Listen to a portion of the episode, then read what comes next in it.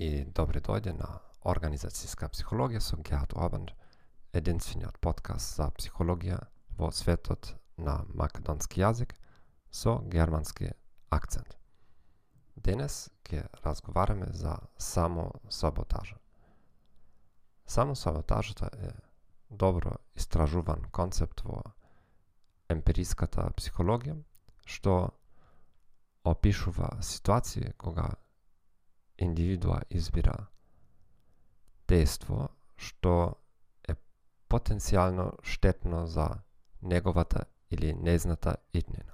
Во класичните експерименти поетниците по првичниот успех во некоја когнитивна задача во која и самите не разбрале како успел, пред следната рунда задачи беше побарано да изберат помеѓу субстанции што потенцијално ги подобруваат или ги попречуваат нивните перформанси во тест.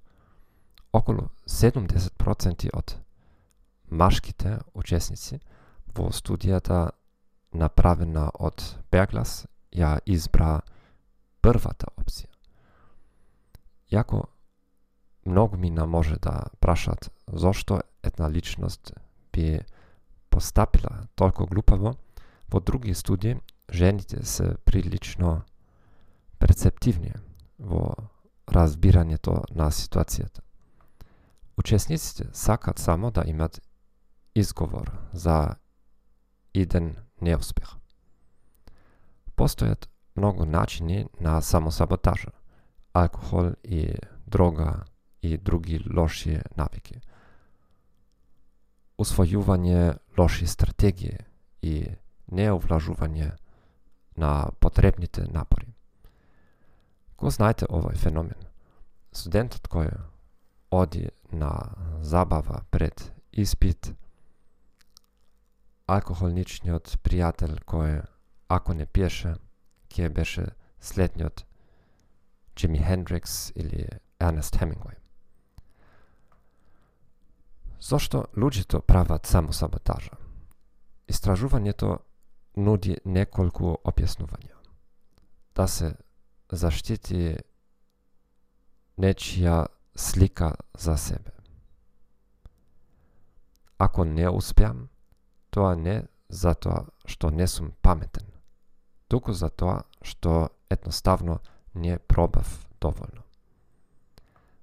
За да се заштити нечи социјален статус. Маржите почесто прават само саботажа отколку жените. Истото важи и за припатниците на влијатени етнички групи, како и за професионалниците со висок социјален статус.